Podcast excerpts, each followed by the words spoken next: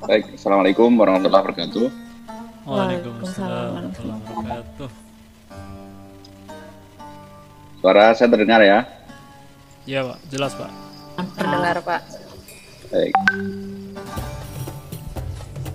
Baik, ini terima kasih kepada uh, Mas Denny dan kawan-kawan yang uh, memberi kesempatan saya untuk bisa sharing sedikit terkait dengan uh, upaya desa mandiri pada masa COVID ya, yang khususnya uh, saya kebagian uh, judul peran masyarakat dalam pembangunan perdesaan. Saya ubah sedikit ya judulnya bukan pedesaan tapi perdesaan. Dari kata dasar desa ditambah per perdesaan. Tapi juga ada yang pendapat itu pedesaan. Silahkan dicari eh, kamus yang benar ya. Jadi peran masyarakat dalam pembangunan perdesaan dan pertanian di masa pandemi COVID-19 nah uh, ini berdasarkan uh, perkembangan uh, COVID yang tadi saya kira sudah dijelaskan oleh Mbak Dania Islami juga ya, bahwa dampak pandemi virus corona ini telah merambah ke segala aspek, terutama sektor ekonomi, sosial, dan politik yang sangat jelas ya bisa kita lihat. Secara ekonomi, kerugian secara akumulasi itu PDB global selama tahun 2020 dan 2021 diperkirakan mencapai 9 triliun dolar Amerika Serikat. Ini uh, global ya. Nah, secara sosial ini banyak warga dunia mempertanyakan kembali efektivitas uh, rezim kapitalis uh, dalam mengatasi krisis ini. Sebagaimana kita ketahui oleh saya kira masih harus tahu bahwa saat ini dunia sedang dalam genggaman rezim kapitalis ya. nah, secara sosial ternyata uh, warga dunia itu mempertanyakan sejauh mana kebijakan-kebijakan yang uh, dikomandai oleh uh, rezim ini kira-kira seperti apa untuk mengatasi krisis ini. Sehingga saat ini menimbulkan situasi politik yang semakin tidak menentu dan akibat dari berbagai kebijakan yang gagal. Menurut analisis Stephen M. Wolf dari Foreign Policy, bahwa pandemi COVID-19 juga akan mempercepat pergeseran kekuasaan dan pengaruh dari barat uh, pusat kapitalis ke timur. Ya. Nah, kemudian sejarawan dan penulis buku uh, Sapien, A Brief History of Humankind, 2000 oh, maaf ini 2004 2004 ya ini Yuval Noah Harari menulis dua artikel terkait pandemi COVID di Time edisi 15 Maret. Di dalam tulisan itu ia menggarisbawahi bahwa isolasi jangka panjang malah akan menyebabkan keruntuhan ekonomi jika tanpa ada usaha yang nyata di dalam menangani uh, penyakit uh, COVID ini. Kemudian peneliti di bidang ekonomi ekologis dari Center for Understanding of Sustainable Prosperity, University of Surrey, Simon Mer, memprediksi empat kemungkinan masa depan dunia usai pandemi dari perspektif ekonomi. Nah, empat skenario tersebut yakni kapitalisme negara, barbarisme, sosialisme negara, dan uh, saling membantu coba kita perhatikan satu persatu kapitalisme barbar eh, maaf kapitalisme negara itu berwujud negara akan memperlakukan stimulus besar-besaran dengan memberikan kredit dengan pembayaran langsung ke bisnis. Jadi memberikan uh, bailout uh, dan lain-lain ya. Itu uh, skenario yang pertama. Kemudian Skenario yang kedua adalah barbarisme, adalah negara menerima resiko besar karena kesalahan dalam menangani pandemi. Akibatnya terjadi kekacauan, perekonomian hancur, ya, uh, inflasi dan sebagainya, resesi, dan rakyat menjadi kelaparan. Nah, kemudian yang ketiga, skenario yang ketiga adalah sosialisme negara. yaitu menasionalisasi rumah sakit dan pembayaran pekerja untuk melindungi kehidupan.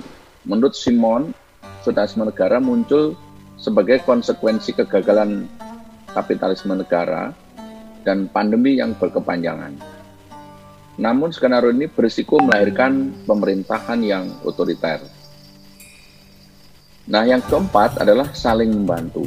Jika satu, dua, tiga ya, maka skenario keempat ini adalah uh, skenario uh, terakhir. Uh, jika satu, dua, tiga dan itu tidak bisa mengatasi keadaan. Di dalam skenario ini negara tidak mengambil peran yang menentukan. Ya mengambil peran tapi tidak signifikan ya. Bahkan terkesan lepas tangan gitu kan. Sebaliknya individu ya mungkin warga di komplek, di masjid, di oh, musola, sekolahan, institusi-institusi, ya, kelompok-kelompok kecil itu saling mengorganisir dukungan. Ibu-ibu mungkin menggalang uh, nasi kotak gitu kan. Tiap hari disebar ke pusat-pusat uh, yang rentan tukang ojek uh, pengemis dan sebagainya ya. ini adalah uh, semangat saling bantu. Ini sekarang yang keempat. Hari ini mungkin uh, kita tidak bisa bicara yang makro yang besar satu dua tiga tapi mungkin kita akan banyak bicara. Nanti kita kaitkan dengan uh, tema ini yaitu uh, apa namanya sebagai alternatif ya yaitu skenario yang keempat ini. Nah kalau kita bicara membedakan masyarakat eh, ini ada ilustrasi demikian ini masyarakat di masyarakat itu sebenarnya ada modal manusia atau human capital kemudian modal SDA sumber alam atau uh, natural uh, capital juga ada modal keuangan, financial capital, kemudian juga ada modal fisik atau physical uh, capital, dan yang terakhir adalah modal sosial atau uh, social capital. Nah, sebenarnya mereka punya ini, tetapi bagaimana diangkat agar bisa uh, setara dengan masyarakat-masyarakat yang lain. Kalau dalam konteks COVID berarti supaya bisa bertahan, gitu kan? Maka harus ada aliran daya kepada mereka ini yaitu berupa uh, life skill education center. yang tidak bisa hit and run sebenarnya. Jadi memang merupakan proses ya, proses yang berkelanjutan menjadi pusat uh, pendidikan life skillnya bagi masyarakat itu.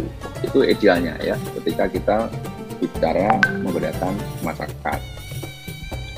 Jadi pemberdayaan itu berasal dari bahasa Inggris yang kata dasarnya adalah power yaitu kemampuan berbuat, mencapai, atau melakukan, atau memungkinkan. Mendapat awalan em, berasal dari bahasa Latin dan Yunani, yang berarti di dalamnya. Artinya, em, kalau misalnya di Inggris kan menjadi empower atau empowerment, itu berarti memberikan eh, apa namanya mengoptimalkan lah ya, mengoptimalkan kekuatan dalam diri manusia yaitu masyarakat eh, desa itu sendiri yang merupakan sumber kreativitas yang ada di dalam Yuk, setiap orang Kunci yang aja, secara mas. luas tidak ditentukan oleh orang lain. Artinya masing-masing masyarakat yang mau kita fasilitasi untuk supaya berdaya itu sebenarnya mereka memiliki uh, yang dimiliki secara inherent tadi. Jadi ada human capital, ada natural capital, ada financial capital, physical capital dan ini yang harusnya uh, ditelisik ya kemudian kita berdayakan. Sehingga masyarakat di pedesaan itu kita sebenarnya sebagai orang yang memfasilitasi agar berdaya itu menciptakan kondisi. Sehingga semua orang yang lemah dapat menyumbangkan kemampuannya secara maksimal untuk mencapai tujuan yaitu untuk uh, bertahan atau mandiri tadi. Dan hal ini uh, tentu sangat uh, mulia dan bisa meningkatkan harkat dan martabat masyarakat daripada hanya dicekokin atau diberikan uh, seakan-akan dia lemah. Tapi kalau dengan menciptakan kondisi kemudian dia kreatif dan bisa menyumbangkan kemampuannya, itu hanya akan jauh lebih mulia dan meningkatkan harkat dan martabat masyarakat. Karena tangannya bukan di bawah, tapi menjadi setara atau bahkan mungkin nanti akan memberikan ya akhirnya dulu. Onlia khairu min yadil sufla. Jadi tangan yang di atas lebih baik dari tangan yang di bawah. Kemudian dengan pemberdayaan ini akan memampukan dan memendarikan masyarakat. Tidak tergantung lagi. Kalau pendekatannya itu bukan diberi tapi diberdayakan, dicek, apa dibantu mengenali dirinya dengan lima kapital tadi itu. Jadi kalau teman-teman mahasiswa mau melakukan eh, apa upaya untuk memandirikan masyarakat, mungkin skemanya kira-kira seperti ini. Mungkin ada kelompok masyarakat yang harus difasilitasi apa fasilitasinya? Ada dua. Yang pertama adalah capacity building dan technical building. Capacity building itu sifatnya uh, soft skill. Jadi merubah mindset objektifnya. Itu bisa dengan uh, pendampingan yang rutin, kontrol, dan ya. juga mungkin kalau memang itu bisa kita lakukan sebenarnya dengan mengoptimalkan keuangan karena tadi kan ada uh, financial capital kan. Financial capital lah dikapitalisasi mungkin dengan simpan pinjam dan sebagainya supaya uh, gerakan uh, keuangan itu uh, lebih uh, optimal gitu. Itu dengan pertemuan rutin itu selain mengubah mindset mungkin bisa di, uh, ditambahin ini gitu. Kemudian yang kedua adalah technical building atau disingkat TB ya, technical building inilah yang sebenarnya memberikan life skill gitu kan. Jadi livelihood development, membangun livelihoodnya, life skillnya. Bisa berbasis on farm, on farm itu adalah yang berbasis lahan, ya. Bisa pertanian dalam arti luas mulai dari agronomis, ya.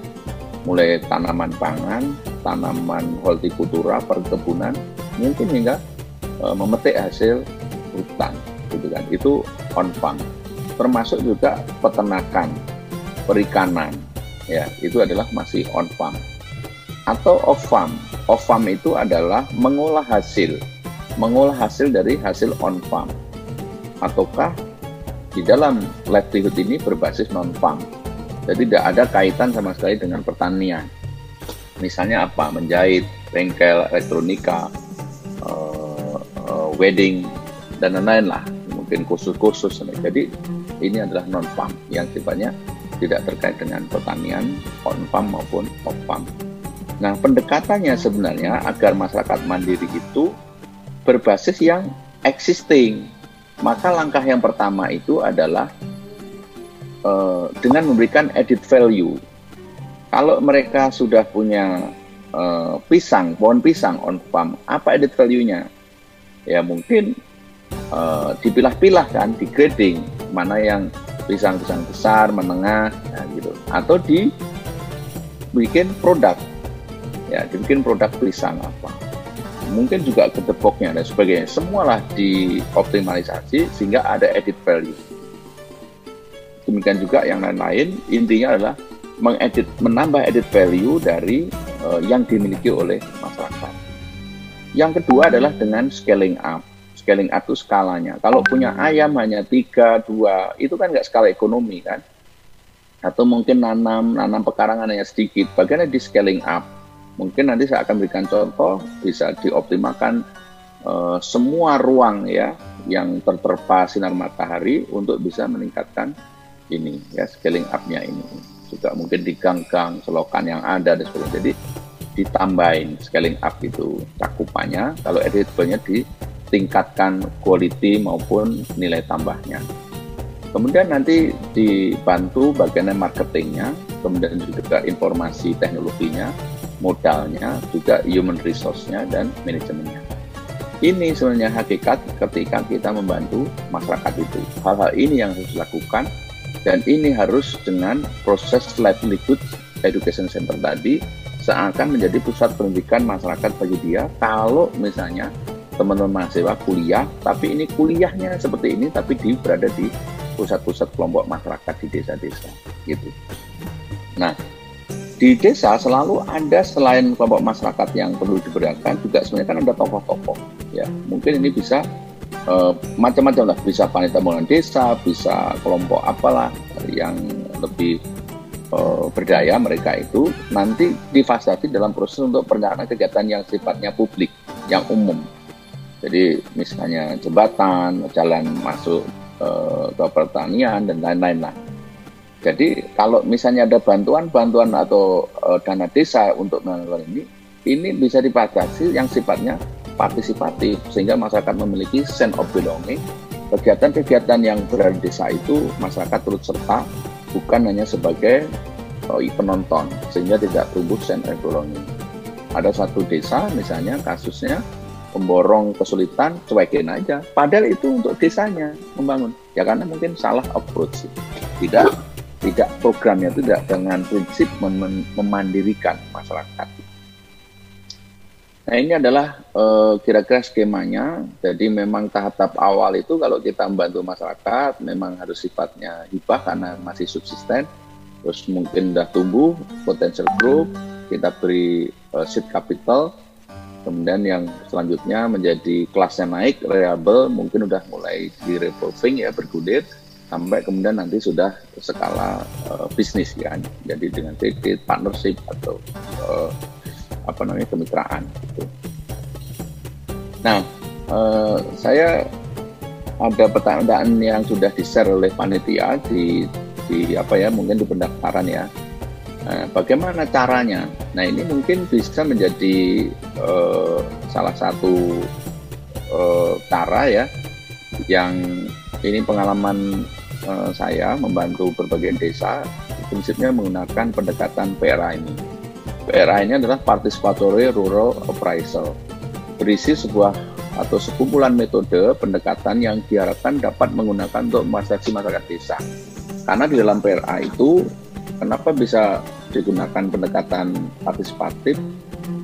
Karena teknik-teknik yang ada di PRA itu bisa memicu terjadinya saling berbagi pengetahuan dan pengalaman, menganalisis kondisi kehidupannya, membuat rencana berdasarkan hasil analisisnya, menggunakan peta-peta seperti yang digambar ini. Bisa menggunakan media-media yang sifatnya visual, nanti saya akan tunjukkan di slide berikutnya. Sehingga metode ini cocok untuk mengenal masyarakat terhadap diri mereka sendiri tadi, potensi dirinya kan, kemudian mengenal masalah dan identifikasi kebutuhannya, dari masalah yang ada dan dia apa sebenarnya. Dan tadi kan mengenal potensinya ini. Sehingga terjadi penyadaran diri gitu kan. Oh ternyata desa kita kaya ya. Akhirnya lah membuat uh, planning berdasarkan kekuatan. Jadi sini ada teknik-teknik dalam PRA itu. Ada pemetaan, ada transek, ada kalender musim, jadwal sehari, diagram pen dan sebagainya. Kemudian juga terjadi proses pembelajaran pada saat menggambar bersama mereka itu. Entah di lantai, entah di kertas, boleh-boleh saja. Nah, kemudian nanti akan menghasilkan output, outputnya itu adalah identifikasi potensi, masalah, dan sudah punya bayangan, oh, saya akan melakukan ini, melakukan itu. Nah, ini ini prinsip-prinsipnya, jadi e, belajar dari masyarakat kita ini, jangan sok tahu gitu kan, kita hanya sebagai fasilitator, masyarakatlah sebagai pelaku dan di situ terjadi saling belajar. Kita bisa share oh masyarakat ternyata pengalaman ini. Dan kita mungkin ketika memiliki informasi bisa kita share. Jadi betul-betul menjadi media saling belajar eh, seperti ini.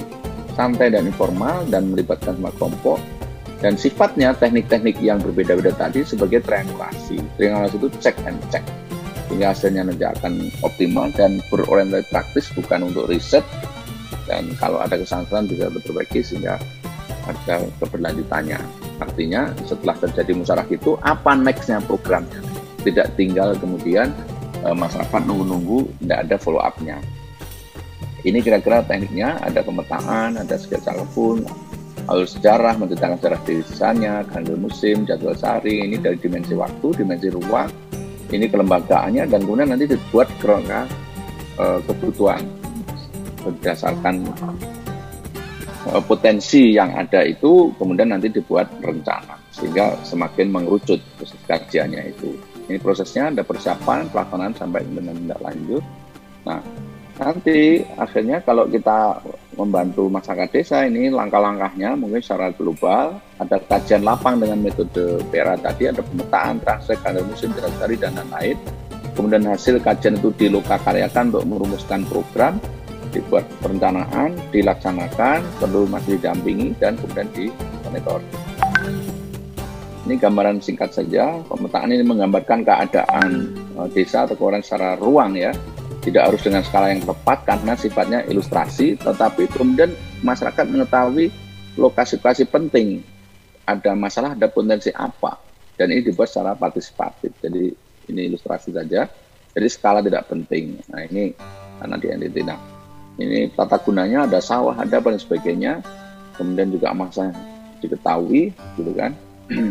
Nah, mungkin pada kasus-kasus tertentu untuk membicarakan kenapa kebunnya seperti ini, mungkin digambarkan, kemudian itu menjadi media untuk mendiskusikan problem-problem apa yang dipertanyakan di desa setempat itu. Jadi tidak ngomong-ngomong saja, tapi kalau dengan objek bersama yaitu gambar itu akan lebih uh, menarik. Saya dengar ini sini ada penyuluh ya, setelah ini penyuluh juga sudah tahu. Sehingga nanti dari berbagai teknik tadi itu diketahui uh, masalahnya apa, di mana, potensi apa, dan kira-kira untuk membangun alternatif pemecahannya. Kemudian dari peta yang sudah dibuat tergambar potensi dan masalah tadi mungkin lebih jauh di transek. Di transek ini ditelusuri supaya lebih uh, dicek lah ke lapangan. Coba dicek bareng-bareng ke lapangan jadi digambarkan sehingga nanti akan diketahui lebih detail ya akhirnya uh, datanya lebih valid. Itu dari dimensi ruang ya, simpel aja dua contoh itu. Kemudian dari dimensi waktu sebenarnya biasanya ada sejarah desa, desa ini gimana sih? Oh dulu begini, sekarang pemekaran, oh dulu ada konflik begini. Jadi itu ber, kita kaji dari segi dimensi waktu. Nah, kalau kalender musim ini menggambarkan dari waktu ke waktu dalam siklus 12 bulan itu seperti apa. Tren musim hujan, musim kemarau, musim apa ya musim hajatan, musim paceklik dan sebagainya akhirnya teridentifikasi dan nanti itu sangat penting untuk mengantisipasi uh, perencanaan dia agar desa itu tetap uh, survive ya bahkan bisa tahan diri gitu kan sehingga nanti akan diidentifikasi hal yang sama juga. Nah untuk teknik jalur sehari itu eh, teman-teman mahasiswa bisa melakukan kajian jalur sehari ini untuk melihat apakah selama 24 jam itu warga sudah optimal pengalokasian waktunya gitu kan. Mulai uh, dari katakanlah dari jam 00 ini kan sampai jam 12 apa kegiatannya. Nanti baru sadar bahwa ternyata banyak sekali waktu yang tidak produktif. Baik itu istri suami maupun anak-anak. Nah kemudian inilah akhirnya menimbulkan kesadaran mana-mana waktu yang belum dioptimalkan atau menyepakati mana-mana kita bisa ketemu bersama gitu kan. Nah ini sangat penting karena sifatnya visual itu menjadi uh, menarik bagi mereka. Nah ini nanti hasil kajian ini dirangkum potensi yang ada, masalah yang ada, permasalahan, kemudian alternatif kegiatannya. Jadi pemetaan apa, transaksi apa, dan apa, sehingga kita punya punya sejumlah program untuk mendirikan mereka dan dari mereka itu di lokakaryakan mungkin hasil kajian sama mereka itu tidak perlu dengan slide PowerPoint itu ditempel dan bisa kita refresh. Oh ini yang kita temukan di desa hmm. kita ini. Ternyata desa kita ini kaya. Banyak hal yang belum kita gunakan. Makanya di situ terjadi inspirasi. Nah ini juga pen, anu eh, salah satu uh, bentuk penyadaran juga. Uh, ada istilahnya jembatan bambu ya. Ini si Mas Denny mau nengok uh, kekasihnya di sini gitu kan. Tapi di sini ada buaya kalau turun kan atau sangat curam bagaimana? Aha gitu kan nomor dua. Ada pohon bambu gitu kan. Gimana? Akhirnya dibuatlah jembatan barulah sore bisa nyebrang ke sini. Akhirnya mas ini bisa ketemu kekasih yang tercinta gitu kan. Dengan menggunakan potensi yang ada di dekatnya mas Denny. Ini adalah ibarat dari keadaan sekarang untuk pindah yang lebih baik desa itu, tapi dengan mengoptimalkan sumber daya yang ada di desa itu. Tidak perlu berharap kalau ada PU, ada semen, ada pasir, sebagainya. Itu kelamaan. Tapi apa sebenarnya kita punya apa? jadi itu prinsip kita memandirikan mereka. Melihat dari apa potensi yang ada di desanya itu. Sehingga dari hasil teknik jembatan bambu akan diketahui uh, masalahnya ada apa, alternatifnya apa. Alternatif itu ditengok berdasarkan potensi yang ada di desa yang bersangkutan. jangan selalu menggantungkan yang berasal dari luar. Akhirnya nanti ini menjadi program, gitu kan? Susunlah itu menjadi perencanaan program. Jadi ini contoh materi ya, nama program, kegiatan di mana, tujuan, target, sifat programnya, kapan, waktu, sebagainya. Sampai intinya biayanya berapa dan siapa penanggung jawabnya itu. Jadi ini komponen-komponen yang bisa fleksibel buat, tapi setidaknya memuat ini, eh, ini bisa menjadi salah satu contoh ya acuan. Baru dilaksanakan, dan dilaksanakan itu ada dua hal yang sangat mendap perlu mendapat perhatian yaitu mobilisasi sumber daya dengan memperhatikan tujuh tepat ya, tepat waktu, tepat jenis, tepat volume, tepat spesifikasi, tepat guna, dan tepat lokasi sesuai dengan rencana tadi. Karena nanti kalau nggak sesuai spesifikasi, tidak tepat waktu, kalau misalnya nanam-menanam nggak sesuai musim, gagal lagi gitu kan. Dan itu pelaksana kegiatan. Yaitu pelaksana kegiatan yang memperhatikan urutan pekerjaan dan rancangan sederhana yang telah dibuat juga. Jadi tata urutan juga biasanya menentukan. Nah ini rencana mobilisasi apa aja gunanya, speknya, pengalaman dan sebagainya. Misalnya mau membangun akses ke kebun atau membangun jembatan bambu tadi atau apalah atau bikin uh, kebun mandiri dan sebagainya nanti saya akan berikan contohnya.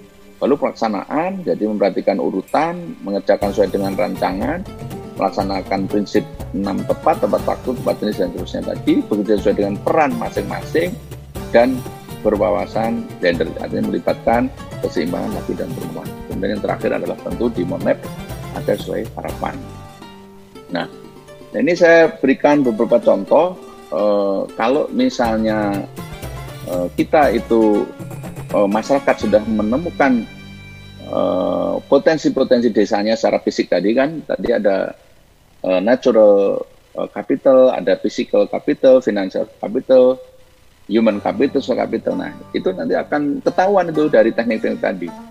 Nah, ini adalah contoh misalnya hal-hal yang bisa uh, mungkin ini tidak secara bisnis contoh-contoh ini barangkali uh, belum ya, tetapi untuk mendarikan kecukupan pada saat pandemi ini mungkin akan sangat membantu, gitu kan? sehingga mengurangi pengeluarannya. Ini adalah bagaimana uh, memanfaatkan lahan untuk menanam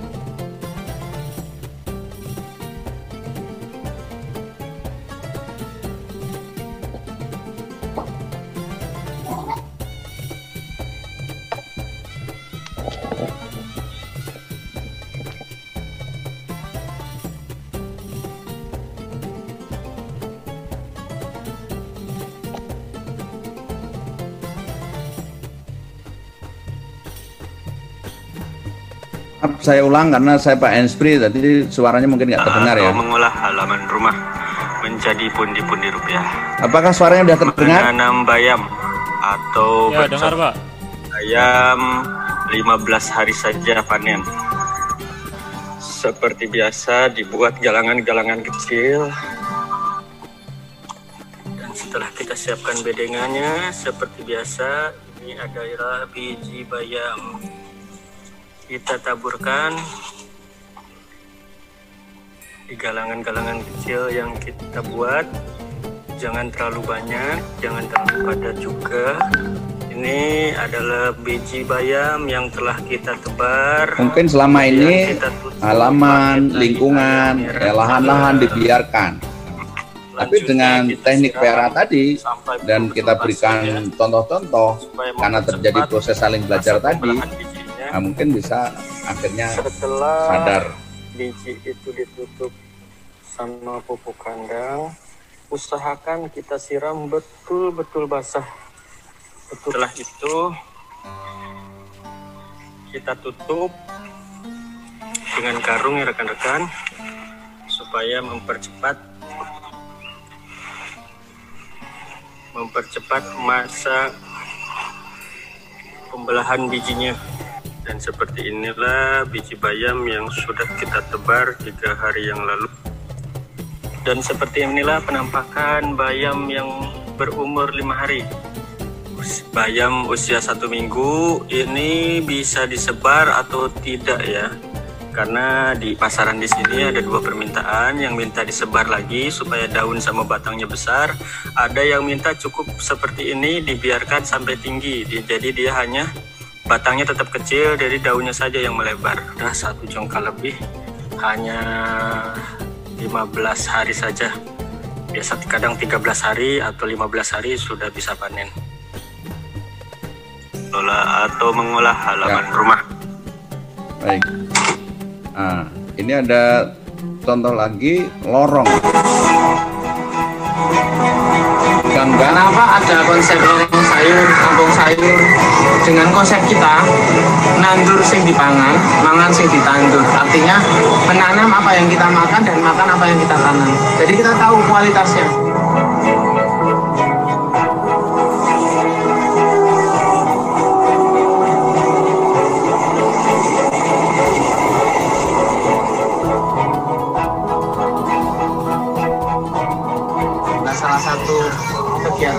Sayur di kota Yogyakarta.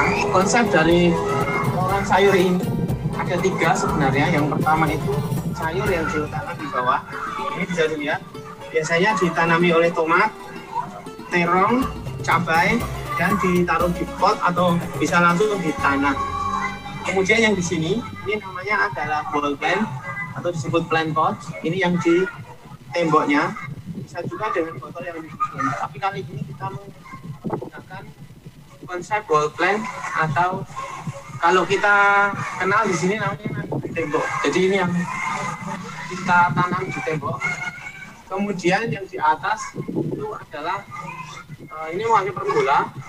Ini settingannya adalah untuk tanaman gantung, gamba, lewah, kemudian labu, kemudian ada pare juga bisa dilakukan di. Tapi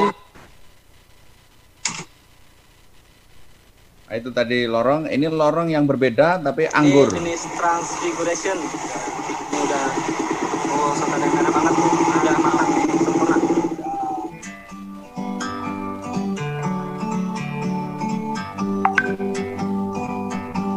bird on a tree.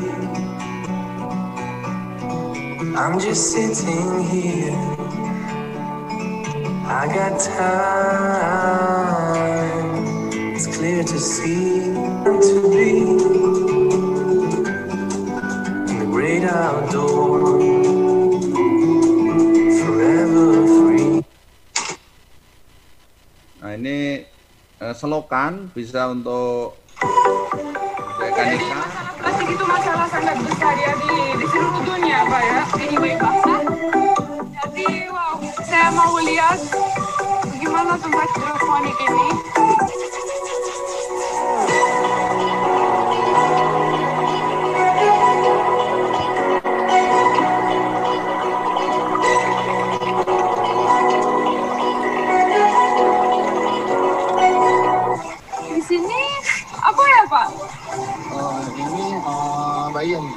Bayam.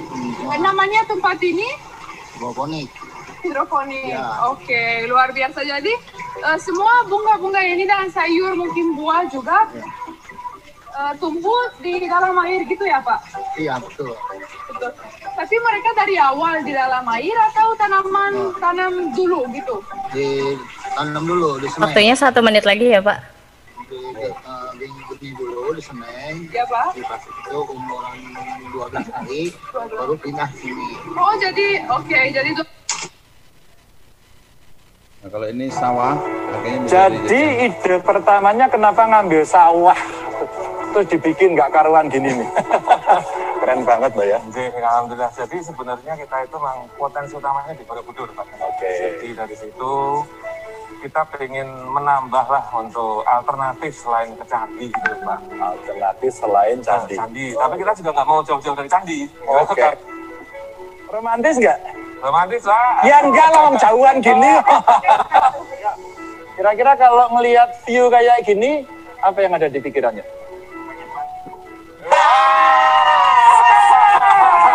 coba Mas. Wet ya. Ini post wet. Loh,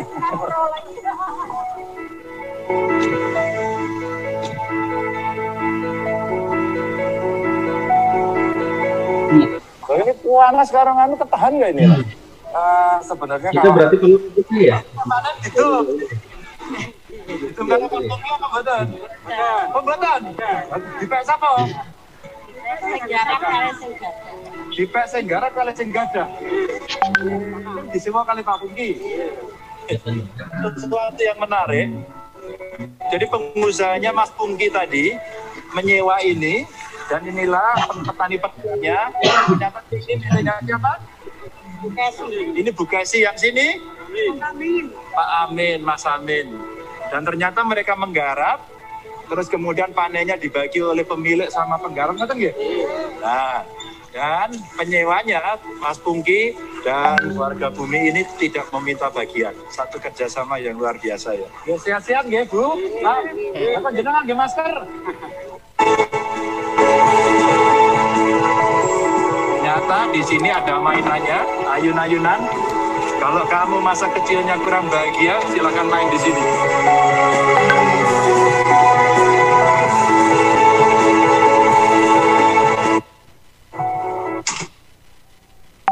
Baik, itu saya kira beberapa contoh tadi itu bisa ditemukan kalau kita bisa secara partisipatif dengan eh, masyarakat menggali potensi apa yang bisa dikembangkan dan kita mungkin sebagai fasilitator, para mahasiswa fasilitator bisa memberikan contoh-contoh yang seperti di slide itu untuk menginspirasi mereka. Sehingga kalau mereka kompak, partisipatif, ya insya Allah eh, potensi untuk bisa menjadi desa mandiri itu eh, terbuka ya. Saya kira demikian. Kurang lebihnya mohon maaf. Assalamualaikum warahmatullahi wabarakatuh. Waalaikumsalam warahmatullahi wabarakatuh. Terima kasih materinya Pak, luar biasa sekali materinya menjadi uh, insight yang baru ya bagi kami. Uh, di masa pandemi pemer- di masa pandemi pemerintah cukup berpartisipasi dalam membantu kemandirian ekonomi di pedesaan. Namun apakah proses kemandirian ekonomi cukup hanya dengan mendampingi masyarakat dalam mempertahankan hak hidupnya dengan kegiatan yang produktif? Uh, Deh, Mau nggak, mau jawab nggak? ya. Pak, biar Boleh, luas. Tadi, tadi saya baca pertanyaan itu di chat, jadi dia kan lebih bertanya apakah pemerintah hanya cukup itu ya konteksnya pemerintah ya. Artinya ya memang betul ya. Eh, Pemerintahnya kan punya fasilitas, punya infrastruktur, punya eh, apa ya sumbernya yang lebih banyak lah ya. Eh, tentu tidak cukup hanya berpartisipasi memfasilitasi itu gitu kan. Harusnya berbuat lebih banyak. Tadi di chat bagaimana kita memandirikan desa itu kan ada aktivitas life skill education center tadi ya. Jadi membangun life skill tadi. Eh, eh, apa namanya dalam konteks untuk supaya dia eh, bisa hidup mungkin contoh-contoh tadi ya menanam sayur mengoptimalkan kebun dan sebagainya itu itu kan bagian untuk mengurangi. Memang itu sepertinya mikro tapi justru itulah sebenarnya kenapa orang desa lebih stabil dalam menghadapi covid ini dibanding orang-orang kota misalnya. Orang kota itu kan harus ada uang untuk bisa hidup. Tapi kalau orang desa selama mau berkaya seperti yang saya contohkan tadi itu bisa hidup gitu kan. Nah, tapi kemudian bagaimana supaya bisa memenuhi kebutuhan yang lebih besar? Apa? Bisa beli pulsa, ya tidak hanya dimakan, bisa bayar listrik gitu kan, bisa menyekolahkan anaknya dan sebagainya. Nah, di situlah sebenarnya peran eh, para pendamping atau mungkin dalam ini juga pemerintah maupun instansi teknis lainnya itu eh, membantu dari sisi yang lebih luas, yaitu marketingnya bagaimana. Karena nanti begitu udah sama nanam sayur, nanam kangkung, nanam, tapi overproduksi nggak ada pasarnya, gitu kan. Maka harus dibantu tentang marketingnya. Nah, marketing ini kan sekarang macam-macam ya. Oh, bisa dengan marketplace, bisa online, bisa sistem grup, apa gitu kan. Eh, saya juga pernah membantu itu eh, orang panen kemudian biasanya bisa disetor Ya, jadi intinya itu eh, pemandirian itu memang kan dua dua layer lah ya. Untuk yang jangka pendek itu kan seperti menanam sayur apa yang kelihatannya kecil-kecil itu itu tetap membantu, sangat membantu untuk eh, mempertahankan hidup harian dan itu bisa mengurangi pengeluaran harian gitu kan. Tetapi untuk yang aktif apa kegiatan-kegiatan yang sifatnya produktif dalam arti menghasilkan uang yang lebih besar supaya bisa beli pulsa untuk anaknya karena sekolahnya online ya bisa untuk bayar SPP-nya mungkin juga bisa memperbaiki rumahnya dan sebagainya itu kan memang harus ada sisa kan yang mana usaha pertanian itu harus lebih uh, dalam skala yang ekonomi tadi gitu nah itu memang dalam konteks uh, memandirikan masyarakat atau merakyat masyarakat, memang ada lima hal yang harus dibantu kepada mereka itu. Kalau sudah memulai aktivitas produksi, mungkin nanti dari hasil pemetaan, dari hasil transek, dari hasil mengkaji lapang lah, yang tadi saya kira Pak Sunati juga menggambarkan. Kalau yang disajikan oleh Pak Sunati tadi itu dilakukan dengan proses PRA akan sangat bagus sekali. Artinya Pak Sunati sebagai expert di dalam proses PRA itu terjadi learning proses gitu loh.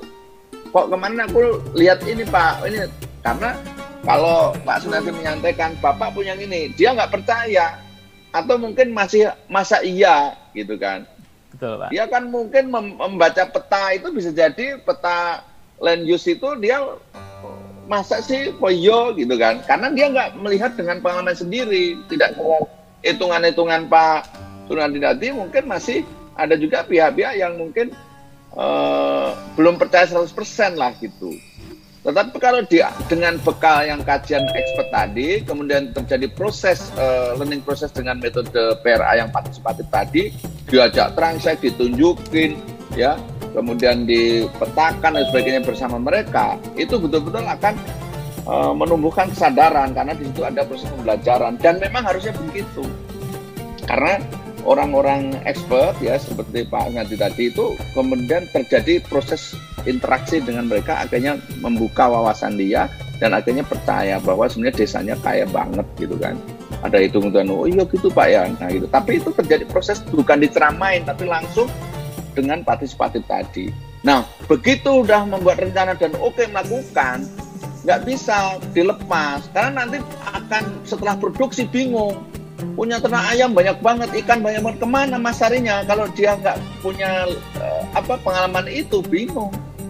Akhirnya itu tidak mengubah kehidupannya. Maka harus dibantu akses pasarnya kemudian mungkin juga teknologinya gitu kan manajemennya terus kemudian pengembangan modalnya gitu kan termasuk bagaimana meningkatkan human resource-nya jadi skill-skill berikutnya itu lima aspek itulah menjadi kunci apa tadi marketing, informasi teknologi, kemudian modal, e, sumber daya manusia dan manajemen. Jadi mengelolanya itu. Nah, itu harusnya dilakukan oleh semua unsur yang membantu masyarakat termasuk mungkin pemerintah gitu. Kalau tanpa itu biasanya itu begitu overproduksi bingung masyarakatnya akhirnya terhenti gitu lagi akhirnya dibuang lah ada lihat di video yang dibagi-bagikan, ada yang dihanyutkan di sungai, ada yang dikasih makan ke sapi dan sebagainya. Nah, memang memang ada trik ini pada masa pandemi ini. Serapan pasar itu kan memang menurun drastis. Yang awalnya hotel-hotel bisa menyerap banyak, restoran bisa menyerap banyak, itu menjadi sedikit uh, serapan pasarnya. Nah, triknya adalah mengurangi volumenya supaya tidak terjadi overproduksi volumenya tetapi kemudian diatur shape-nya supaya panennya kontinu gitu kan. Kalau dulu kan mungkin semua disamakan pada waktu yang sama sehingga panen brek bisa laku di serap pasar. Duitnya banyak bisa ditabung atau paling enggak bisa diputar lagi.